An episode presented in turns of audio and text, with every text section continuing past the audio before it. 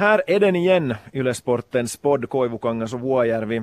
I och med veckans avsnitt är det Dussinet fullt, A Dirty Dozen, eller 12 fördömda män som filmen heter på svenska. 12 avsnitt efter dagens banning alltså. Antti, hur står det till den här näst sista måndagen i april? Tack riktigt bra. Lite snorig så det sätter lite sordin på stämningen och rösten för den delen. Men, men ett, ett, ett, ett skönt och intensivt veckoslut bakom.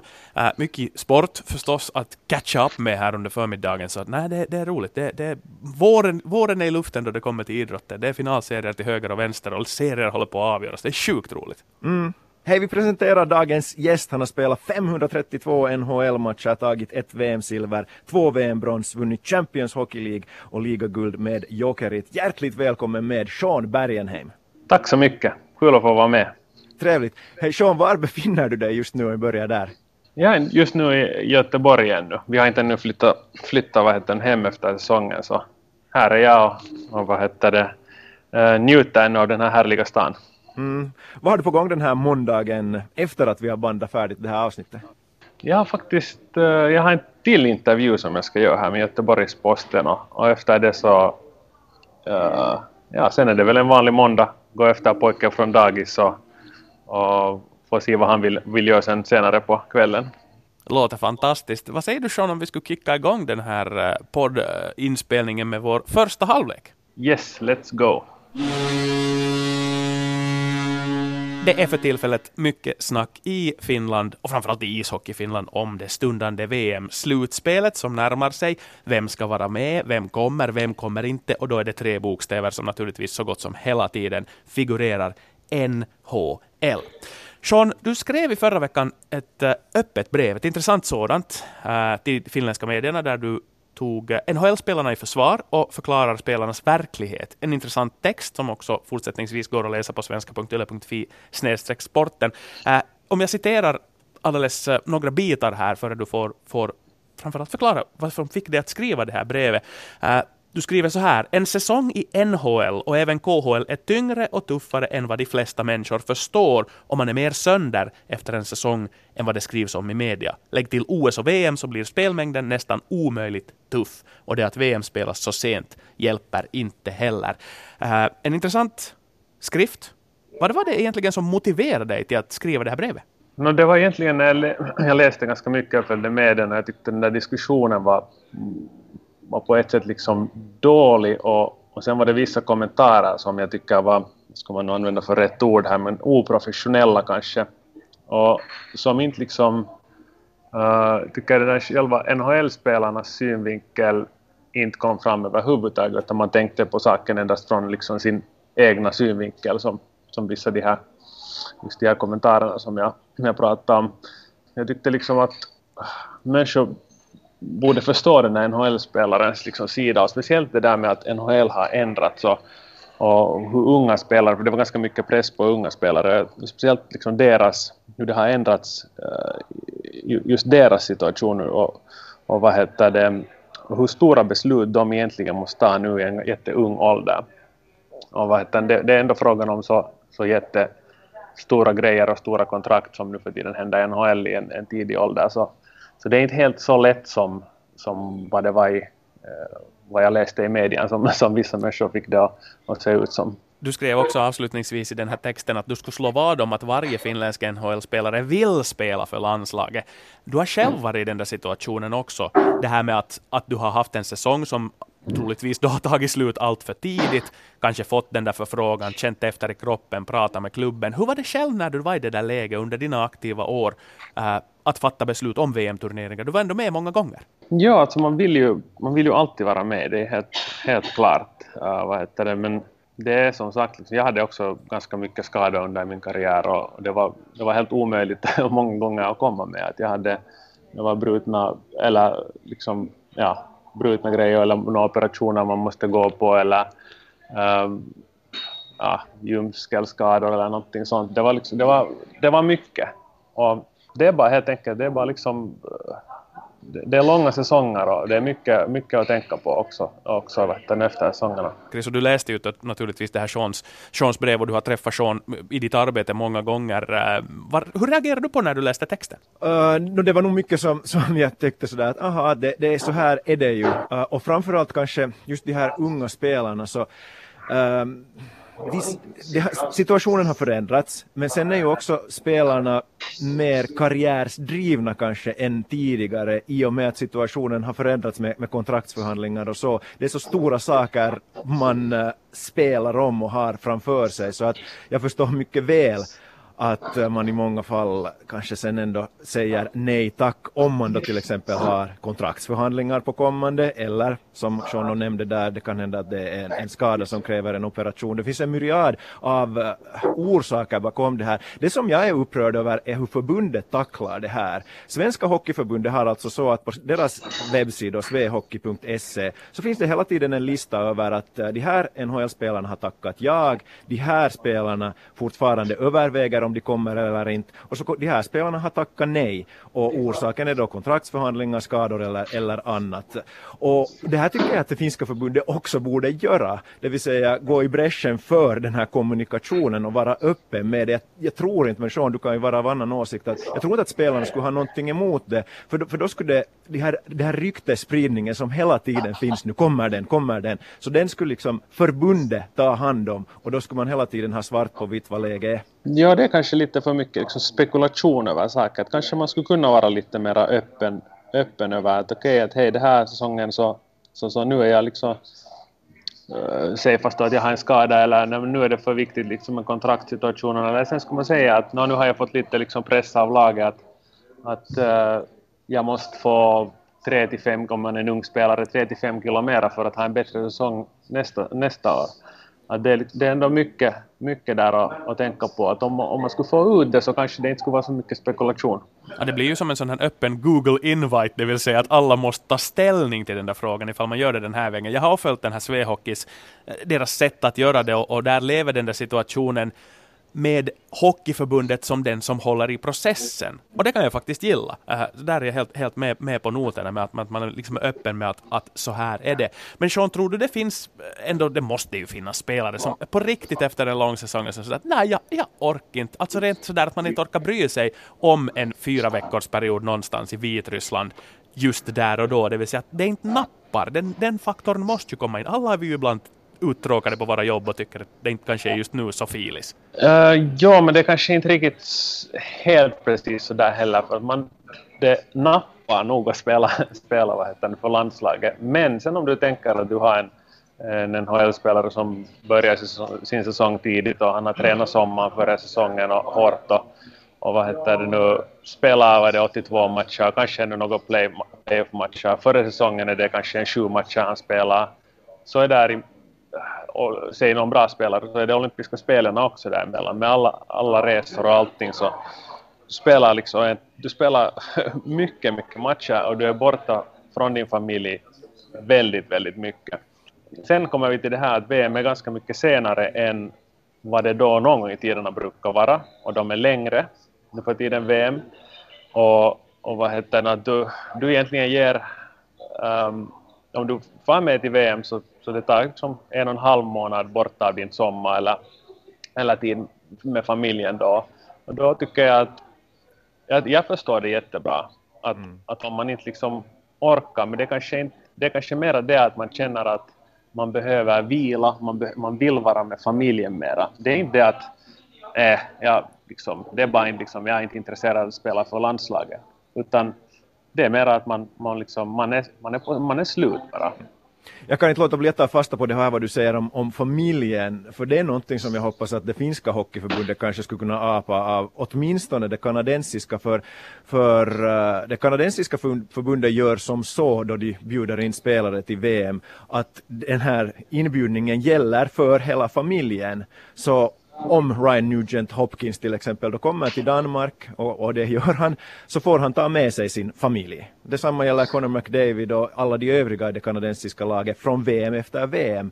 Och jag förstår mycket väl, jag själv och precis som Antti så vi har familj och vi förstår hur mycket det betyder.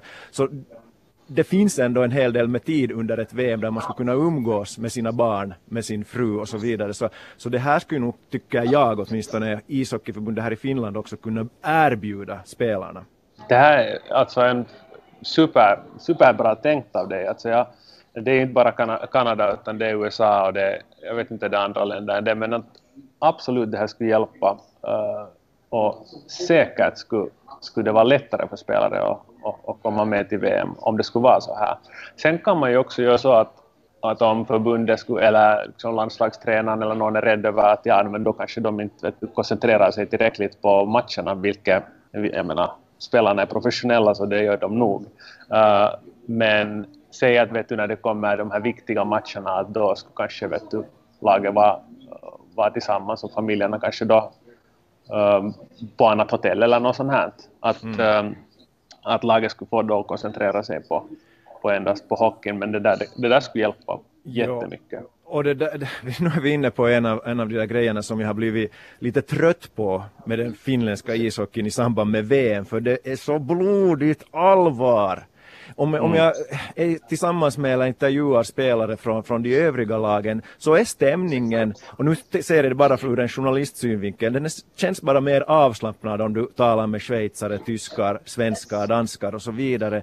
Att uh, du nämner det här att kanske en tränare tycker att mm, det här uh, kanske man ger ett avkall från koncentrationsnivån. Jag tror inte det. Jag tror snarare att om man mår bra och är tillfreds med, med omgivningen. Det är ändå en lång turnering, nästan en hel månad som, som man är tillsammans. Så, så det finns nog mer att vinna på än att förlora om man skapar en atmosfär där eh, man betonar att jag är här för att, för att ha roligt. Klart att det är resultat i idrott men, men det ska också vara en, en tillställning där uh, atmosfären genomsyras av, av, av liksom, vi är tillsammans här nu, landsmän och kamrater tillsammans istället för att, att eh, uh, bara uh, eh, kämpa om, om ett VM-guld och så vidare det är inte vinterkriget varje gång om vi säger som så, mm. man, mm. sådär retorikmässigt det vill säga. Eh, jag, jag, håller med och det där är ju en evig diskussion också till exempel under fotbolls-VM i sommar då det är i Ryssland och när det kommer att vara i Qatar, att hur gör förbunden, hur resonerar man med de här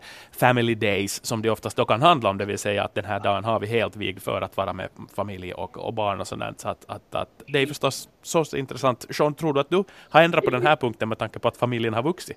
Nej, inte har jag riktigt liksom, det här, inte har jag riktigt tänkt på den här, den här saken, men jag tycker att det är precis så som, så som ni båda säger, att det, det vad heter det, skulle kanske göra bra att det inte skulle vara så blodigt allvar hela tiden, för att det är ändå, liksom, spelarna är proffs och när vi går ut och spelar så, så, så man ger nog allting och, och vad heter det, att ha familjerna där så jag, jag ser det endast som en, en positiv sak.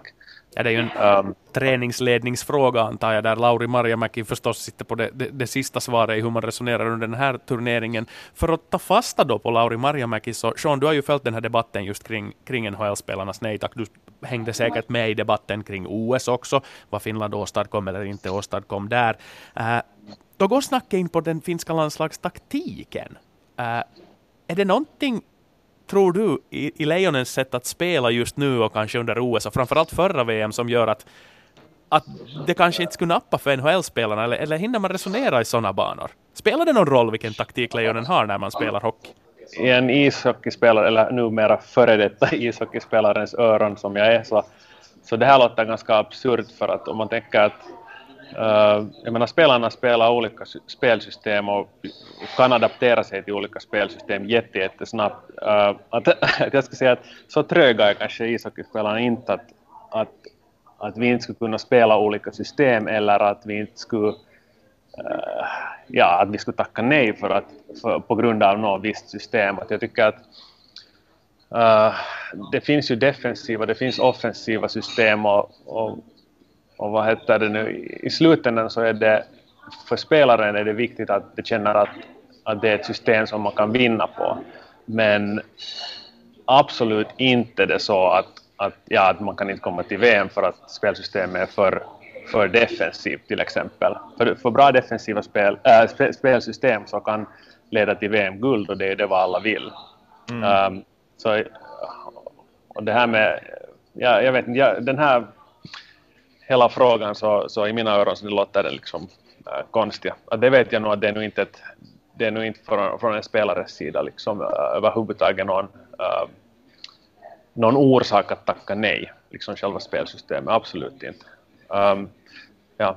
Sen om man har dåliga relationer med en coach, som nog någon gång har hänt i, i landslagshistorien, så det är ju en helt annan sak. Mm. Uh, men med Marjamäki så är det nog inte det är nog inte fallet med honom. Han är jätte, jättehyva typ och jätteomtyckt.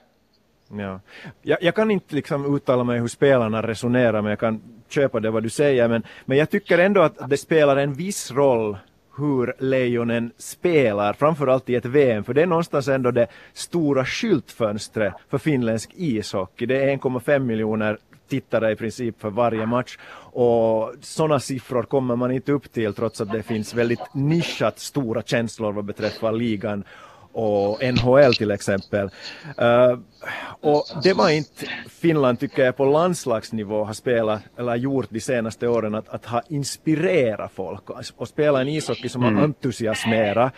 Och jag vet, jag håller med dig, det är fråga om, om resultat idrott, men, men det krävs inte alltid guld för att inspirera folk. Så som Finland spelade till exempel 92-94. Det bar inte hela vägen fram, men vi minns, minns fortfarande det där sensationella VM-silvret i, i Prag och vi minns eh, hur Finland spelade i Lillehammer i OS. Och, och jag vill hävda också att orsaken till att Patrik Laine och Jesse Puljujärvi är så otroligt folkkära i Finland just nu är inte bara att de gick hela vägen fram i junior-VM här på hemmaplan, utan också tack vare den ishockey som, giv, som juniorlejonen spelar där. Så jag skulle hoppas att Lauri Marjamäki lite skulle tänka om. Hon har ju talat i de banorna den här säsongen att, att uh, ge spelarna kanske lite större frihet att spela en aktivare ishockey och inte alltid backa hemåt. För, för det var nog under VM i fjol så, så jättemycket burskydd, det var långsamt, det var omständigt och det upplevde jag från läktaren att döda lite känslan i spelet, att det blev lite robot-ishockey och på så sätt spelar det en viss roll hur Lejonen spelar för att eh, om man inspirerar folk eh, så, så leder det till att, att uh, knattar, att hela folket samlas kring det här laget och tycker att wow, vilken ishockey, det här laget är jag stolt över att heja på. Du har helt rätt. Jag svarar på frågan att om om, om spelaren inte... Mm. Eller om jo, jag liksom förde bara det vidare lite. Ja, och, och vad heter det nu? Jag tycker det vad du säger är helt, helt rätt och jag tycker att um, det, det är liksom Finlands, det, det, det är helt liksom verkligen, uh, det, vad du, det vad du sa är helt, helt rätt på alla sätt och jag håller med dig med, dig med det. Att um, lands, ja, det också för en spelare så är det mycket roligare att spela något jätte, jätte liksom offensivt eller aggressivare system, men kanske ändå i slutändan det var det viktigaste för, för spelarna att man spelar ett system som kan vinna.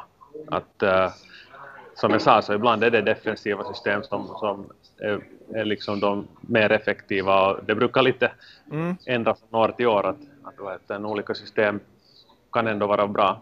Jo, det där håller jag med om också. Och, och jag förstår då Finland spelar mot uh, USA i fjol i kvartsfinal, då Finland vann mot oddsen bör sägas, och mot Sverige och mot, mot, mot på pappret bättre motståndare, att man tvingas lägga sig på försvar. Men jag tycker inte riktigt om det att då Finland möter lag som Norge eller Frankrike, att man fortsätter att ta burskydd och fortsätter att, att uh, i, i många byten lägga sig på det här i sånt trappförsvar. Att, att där, det, det, utvecklar inte det finländska spelet heller. Jag tycker att det ska finnas fler dimensioner sådär taktiskt eh, i, i ett landslag under ett VM där man möter ändå lag av olika kvaliteter.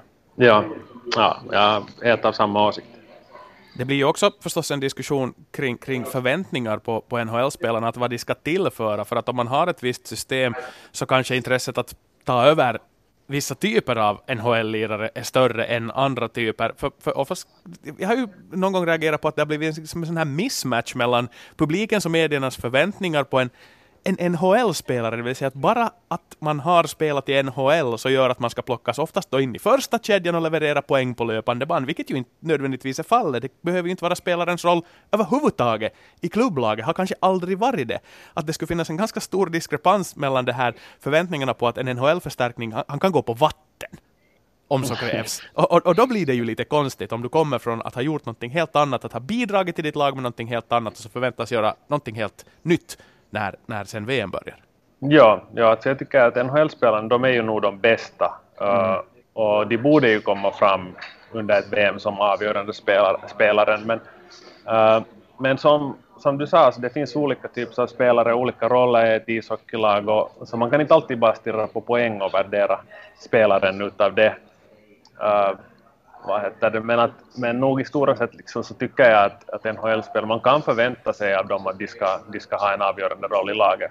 Jag kan nog hålla med Antti i ditt resonemang om att, att förväntningarna är ibland lite väl uppskruvade och, och finländsk media är nog delskyldig, om inte den största boven i drama. Uh, då det var hemma-VM här för några år sedan så anslöt sig Erik Haula till truppen. Numera är han ju nästan en superstjärna i NHL. Då var han en, en lite av en dålig trots allt. Men MTV som då uh, hade sändningsrätter, vilka de har fortfarande, så var på plats på flygplatsen för att möta honom. Och vilka förväntningar ställer det från, från de här, för de här 1,5 miljoner som, som ofta tittar på, på de här sändningarna att nu kommer en potentiell superstjärna. Och vi har varit inne på det, många NHL-spelare är slitna då de anländer till ett VM. Först om de kommer så som Haula då i det här fallet kommer mitt in i en turnering, lider av jetlag, man ska anpassa sig till en större ring, till nya lagkamrater, till ett nytt spelsätt. Det är inte alltid en helt rätlinjig process och, och kravnivån tycker jag ibland att det är orimlig. Och jag undrar Sean, alltså, äh, jag har hört rykten om att vissa spelare tycker att det här med VM, att, att det är ganska high risk, high reward, alltså att, att man blir lätt sen i allmänheten stämplad som en spottkopp om man inte levererar just då i, i form av poäng, även om, man an, även om man kanske annars spelar på en, på en hög nivå. Har du hört någonting liknande av, av dina äh, uh, NHL-spelande före detta lagkamrater?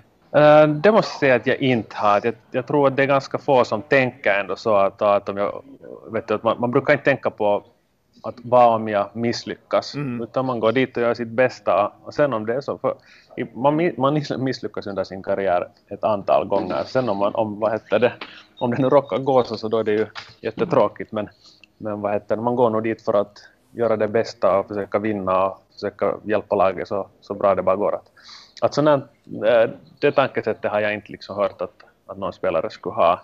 Sen om det är så, så det, det är mycket möjligt. Nu har vi ju ett färskt exempel där efter en tidsmoget övervägande så valde Sebastian Aho och Teo Teräväinen att tacka ja. Och de kommer ifrån en, en roll som verkligen är nödvändig i det finländska ishockeylandslaget, det vill säga poängproducerande kärnspelare i en NHL-organisation som inte gick långt i vårens slutspel, eller till slutspel överhuvudtaget för att axla ansvar då i ett landslag där de har levererat förr. Herregud, båda är tidigare juniorvärldsmästare i nyckelroller. Det får vi väl nog skruva upp förväntningarna på ganska rejält och de vet, de vet väl nog vad folk förväntar sig av dem. Ja, det är nog sån, sån vad heter det, klass på de spelarna. De är nog riktigt, riktigt bra och vad heter det, kommer säkert ha en, en jättestor roll för, för det finska landslaget nu i VM. Och, jag tycker det är fint för uh, för alla oss som ska titta på VM att de kommer med för, för vad heter det, de, de, de är duktiga, duktiga och, och som jag skrev också då, då tidigare så, så man skulle vilja att alla skulle vara med. Att, att alla de bästa, bästa, att man får den lyxen att titta på de här, de här liksom super, superspelarna och vad heter det, så, så vi ska vara glada över det. Alldeles kort Sean, så kommunicerar NHL-spelare med varandra? Är det möjligt att till exempel Aho och Teräväinen var i kontakt med Mikael Granlund efter att Minnesota åkte ut och, och tänkte sådär att, och kom ett meddelande från, från Aho att hej, jag, jag, spelar i VM om du också kommer. Existerar den här sortens kommunikation? Kanske inte riktigt sådär att, att om du kommer så då tänker jag liksom fara. Men uh, Jo, man har nog kontakt om det är liksom nära kompisar, så då brukar man. Men att om det är sådana liksom bara bekanta, liksom bekanta andra hockeyspelare så inte, inte kanske man ringer till dem. Utan, men att om det är riktigt nära, nära kompisar så, så kan man bra hålla någon, någon slags diskussion angående VM och, och sådär. Men jag tror att ändå, sist och slutligen så gör man sen sina egna beslut. Att det är inte så att man behöver en kompis med sig för att fara till VM. Vitsi, varför, varför kunde inte Sean berätta att det finns en hemlig WhatsApp-grupp där allihopa mässar att men nu Aino kallar är minke och sådär. Det skulle ha varit roligare. ja, ja, tyvärr. Hej, avslutningsvis ännu, för du tog fasta på i din text äh, på vår webbplats också på, på vad Hockeyförbundet gör och kan göra och jag reagerar själv precis som du gjorde på, på det här att man satte en prislapp på en ishockeyjunior. Mm. Uh, på sätt och vis skuldbelägger en, en, en lyckad idrottsmänniska med att konstatera att så här mycket har det nu kostat att göra dig till den du är idag. Hur skulle det vara om du skulle ställa upp då vi kallar? Äh, uh, vidareutveckla gärna ditt resonemang kring, kring vad förbundet har gjort och kanske borde göra mera för att, för att, att göra landslaget mer lockande. No, för det första så vill jag säga att vi ska inte glömma att landslaget är jättelockande och alla hockeyspelare som gått den här lejonvägen uh, och fått hjälp av förbundet så är jag jättetacksam över det. För det vad förbundet gör är super, super fint och det möjliggör det att, uh, att många andra barn och just som får, kan, kan spela hockey och att våra talanger får de bästa chanserna och, och, och bli det bästa de, de kan bli. Men sen är det inte riktigt rätt att, att börja just och räkna, räkna pengar på att hur mycket det kostar och, och då liksom fast ja, gå hela den här lejonvägen. För att då räknar man ju inte in heller intäkterna och, och vad heter det och sen uh, jag undrar faktiskt vad deras agenda var med det, det, det utan, jag vet, det kan bara ha varit helt en, liksom helt en miss av dem bara och, och, och säga något sånt. Men uh, det är ju också på ett sätt lite respektlöst om man tänker att, att spelarna kommer från NHL efter NHL-säsongerna till VM och spela gratis för, för, för landslaget och sen får förbundet pengarna. Och det här ser jag inte uh, igen på en... Jag, jag, tycker inte det är negativt. Ingen hockeyspelare klagar över den här saken. Uh, de pengarna som förbundet får in under årens lopp uh, är jätte, jätteviktiga. Och, och vad heter det? Som jag sa, så de möjliggör så jätte, jättemycket. Um, men inte vet jag vad jag nu annat ska, ska säga. Jag, jag tror inte den där kommentaren, så att, jag ska inte allt för mycket liksom, Äh, vad heter det nu, kommentera den mera. Då är det dags för avspark i den andra halvleken av Ylesportens podd. Vi behandlar ett tema som varit på tapeten en hel del de senaste åren, det vill säga hjärnskador inom ishockeyn. Sean Bergenheim är med oss eh, per linje från ett café i Göteborg.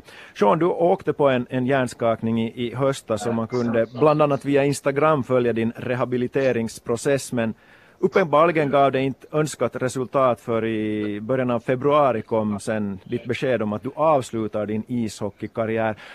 Hur svårt var det att fatta det där definitiva beslutet? Nå, att fatta beslutet var sen ganska naturligt för att det blev ganska klart att jag inte kunde spela då mera den här säsongen och jag skulle ha hoppats på att kunna spela några år till kanske men att när, just när det blev omöjligt den här säsongen så, så tänkte jag att det var liksom ganska rätt tid att jag ville inte mera ta några risker att, att vad heter nu skada mig på nytt eller något. Jag hade ändå, jag hade ganska mycket att se fram emot i mitt liv och kunna vara med familjen och, och jag vill absolut göra någon sorts eh, karriär här ännu efter min ishockeykarriär och, och så, så det där själva beslutet Ja, det var naturligt. Mm. Uh, det var, det var inte... Jag menar, det är, jätte, det är ju svårt, jag kommer sakna hockey. Uh, men att det har kanske gått ändå lite lättare än, än vad man skulle kanske tro. Och, och kanske det också har lett att jag har varit så busy här med mina behandlingar och, och försöka få mig i skick och, och sådär. Så att, att ja, inte, ja. In, inte ett så svårt beslut som, som kanske man skulle kunna tro. Men, men hur mår du nu då? Du nämner att du har behandlingar. Lider du fortfarande alltså av sviterna av den här hjärnskakningen? Nej, jag har ännu ja, symptom. Jag, har inte, jag tycker liksom själva hur ska jag säga, hjärnan har lugnat sig efter hjärnskakningen. Det är mera, eh, mera har jag problem på då, som med nacken och, och, och liksom på högra sidan av skallen och högra öga. Eh, det är inte liksom själva hjärnan men det är andra, andra saker som utan att gå in på på desto mer detaljer så är det, jag har ganska mycket verk och, och vissa dagar kan vara svårare än andra men att, men att det går åt rätt håll och uh, jag mår bättre hela tiden och, och fortsätter mina behandlingar och, och det blir nog bra med tiden. Mm. Men hur ska ishockeysamfundet gå framåt i den här frågan? Eh, finns det något som kan göras för att uh, minska risken för att spelare går på hjärnskador? Finns det något som att man kan minska den där risken avsevärt? Det här har ju diskuterats på många olika håll. Nå, det finns det nog. Det är ganska mycket som jag tycker kan göras, men, men det, borde, det borde börja helt med att ligorna och spelarförbundet tar på riktigt tag i den här frågan och, och vill göra ett, eh, en, eller en ändring. Uh, att de vill förbättra det här, för det känns som att, att Eh, de inte riktigt har gjort det ännu i alla fall. Och, och vad heter det nu? Utan att vi håller en dialog eller, eller diskussioner angående det här problemet och utan att vi försöker komma upp med lösningar så, så, så ja, det kommer inte bli någon ändring på saken. Och eh, om man tar en, en helt lätt sak, varför har inte till exempel armbågs eller axelskydden gjorts, gjorts mjukare än vad de är för tillfället? Uh, det kan spela en det kan kanske inte ha en jättestor roll sen i, i skadorna, men det kanske har en liten. Uh, poängen är den att, att vi borde göra någonting för att uh, ta itu med den här saken och på riktigt förbättra, förbättra den. Och en annan sak som jag kommer på så här snabbt som har varit ett problem här i Sverige, jag tycker också i Finland, är att domarlinjerna borde vara klart äh, eh, liksom jämnare och, och straffen för tacklingar mot huvudet är jättemycket hårdare. Det borde vara klarare för spelarna att, att, eh, vad man får göra och vad man inte får göra. Det har varit ganska, ganska liksom man tittar på olika situationer så någon får någon, någon vad heter, avstängningar och sen ser man en annan situation var det är en axel mot huvud, rakt mot huvudet och sen blir det ingenting utav den.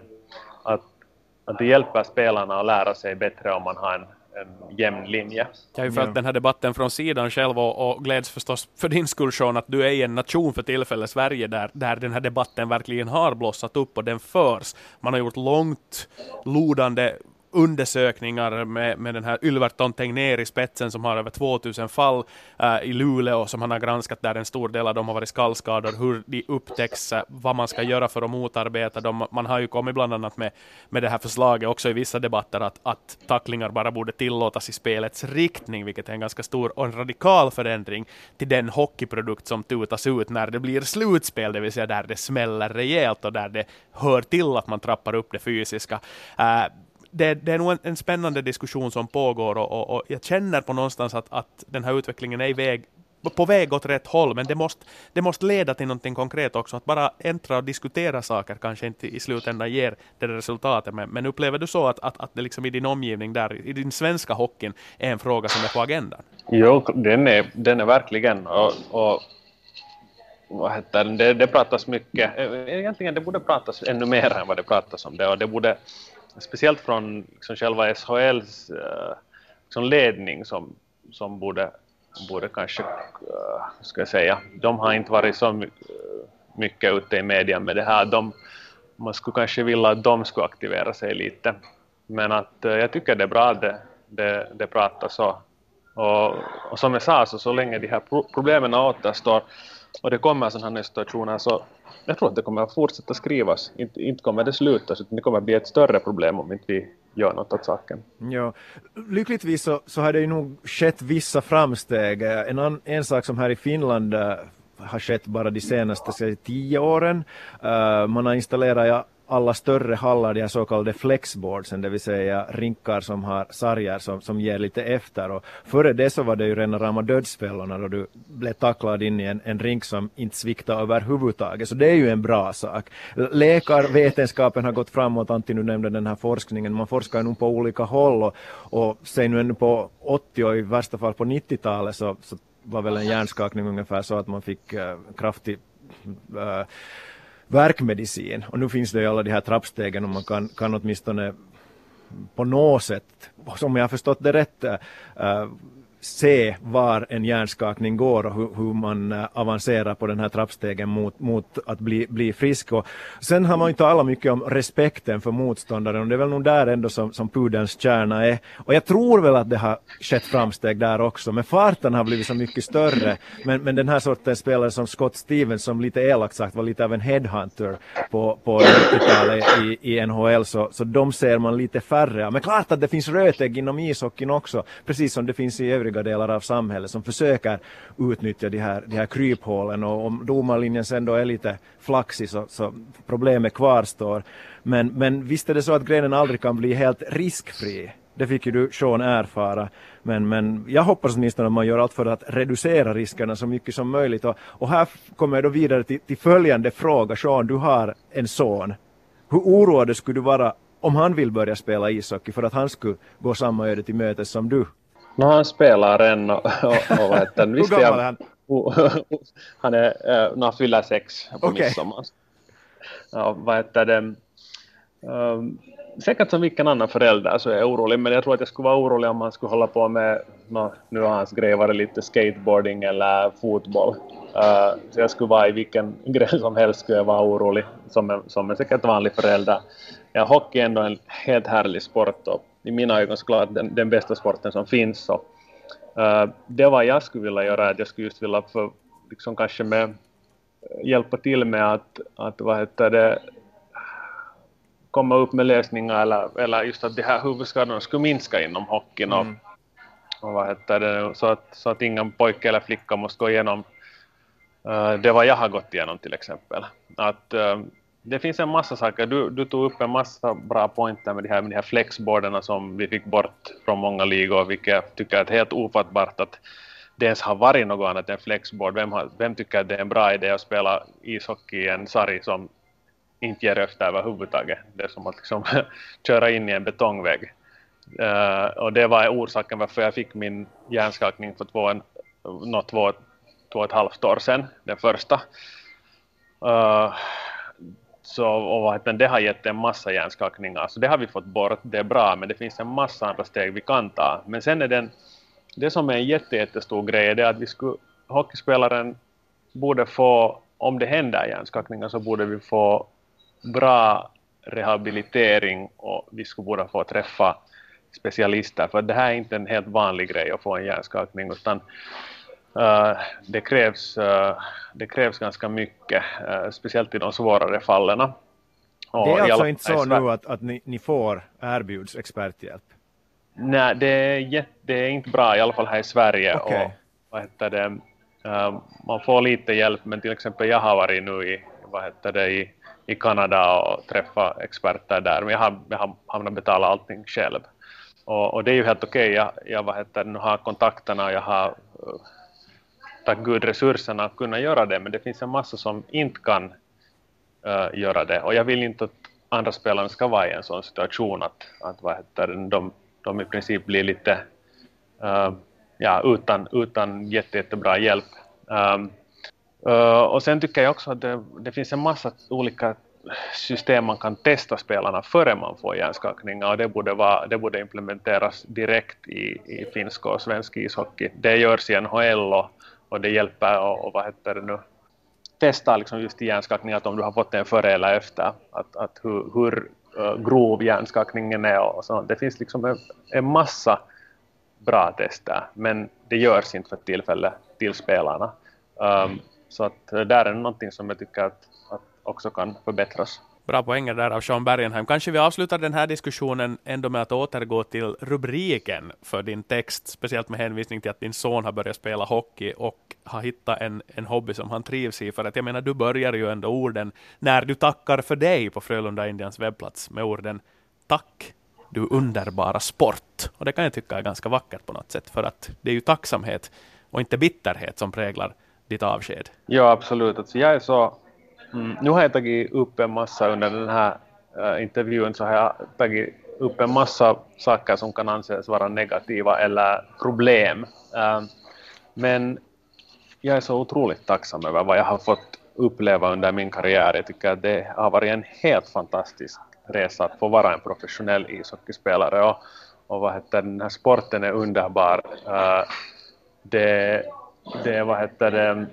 man tänker liksom på människor man, som man har träffat under årens lopp och uh, hockeyn som har tagit mig från att spela uh, på en lördagkväll i Madison Square Garden till att jag har spelat i Ryssland i Habarovsk. Uh, liksom, det har tagit mig från så många olika ställen till andra ställen som jag, som jag aldrig skulle ha sett annars. Och, och vad heter det, så att uh, egentligen tacksam med det ordet uh, vad jag uh, tänker på när jag tänker på min karriär. Tacksam för vad jag har fått uppleva. Ja, och den har ju dessutom hockeyn fört in dig i Ylesportens podd. Koivukangas och Vuojärvi, så att alla resor är ju värda, värda det på det viset.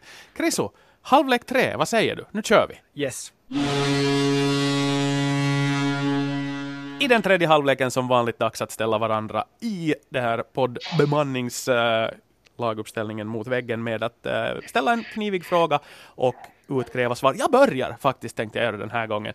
Uh, läste igenom några gamla laguppställningar från 80-tal och 90-tal här då jag förberedde för Liverpool AS Roma och kom på att det finns ju otroligt många roliga sådana förstärkningar och utländska spelare som kommer att förgyllt serier som man har glömt bort. Och min fråga till er, som jag vet äh, är båda stora idrottsvänner, äh, vilken är er favorit utlandsförstärkning oberoende av gren som ni har fått följa under er uppväxt, som, den som, som har verkligen gjort ett intryck på er? Om vi låter Sean börja. Då måste jag nog säga att det är...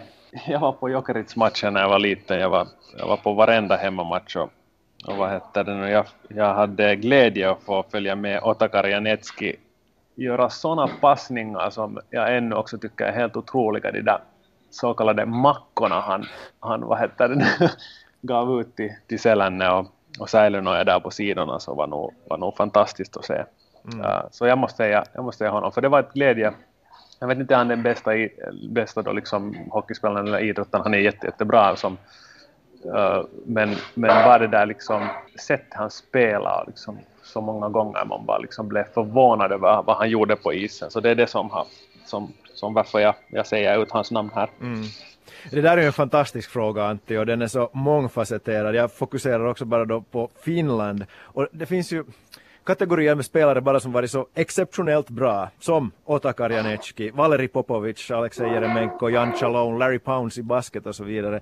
Uh, sen har vi ju de här kultspelarna som lämnar avtryck kanske också på andra än idrottsliga meriter. Jag tänker på spelare som Mal Davis, eh, Bob Halkidis, Theo Fleury, Uh, och sen har vi, har vi dessvärre ju också sådana utländska spelare som har varit så dåliga att vi minns dem med värme. Uh, många av Helsingfors IFKs värvningar under Pentti Matikanens ledning till exempel.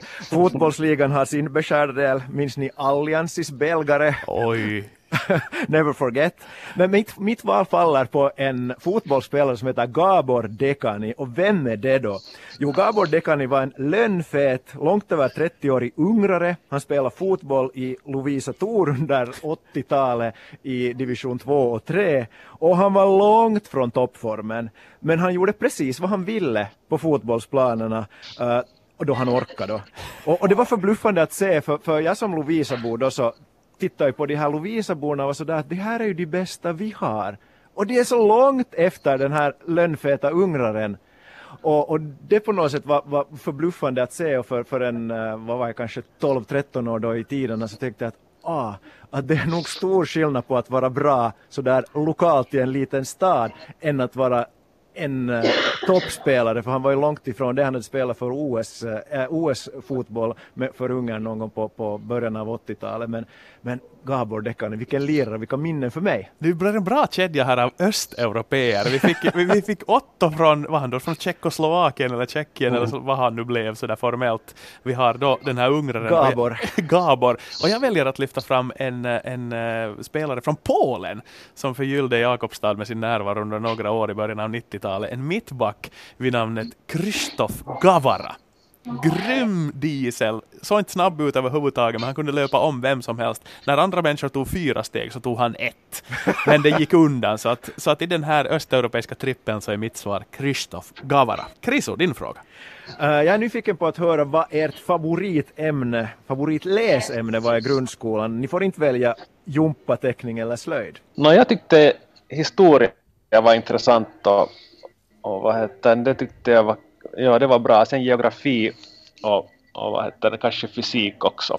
Och det var, fysik var därför för att jag var jätte, jag har alltid varit jätte uh, insatt i, i vad heter det, Formel 1 och jag tyckte om att designa för vad heter det, Formel 1-bilar när jag var liten eller rita sådana och jag tyckte det var lite intressant, uh, den delen av fysiken. Geografi därför för att den, ja, det var, jag tycker det var intressant att lära sig hur, ja, världens geografi och sen historia bara, det var också jätteintressant och, och jag klarade mig helt bra också i det. Mm. Jag hade tänkt utesluta historia på grund av din frågeställning Chris, där det handlar om lågstadiet. Men om Sean kan så kan jag. Okay. Så nu är ju historia alltid varit så nära hjärtat. Och i alla sammanhang, historia kommer ju in i geografin, det kommer in i biologin, det kommer in i alla samhällets nivåer. Så att historia alla gånger i alla sammanhang. Mm. Uh, själv kan jag väl säga att man är väl ofta det där, tycker om det man är bra på. Och lite överraskande så var jag sådär i ja. lågstadieåldern fena på matematik. Uh. Men vad som hände med den talangen så vet jag inte riktigt för, för jag studerade sen på Åbo Akademi nationalekonomi och då blev det under professor Johan Willners ledning stundvis partiella deriveringar och där satt jag som ett frågetecken och hur jag kom igenom de kurserna så det vet jag inte. Men det är väl så där som det är med all talang att, att vårdar man inte den så utvecklas man inte. Men, men matte var jätteroligt i, i lågstadiet. Bra trippel där.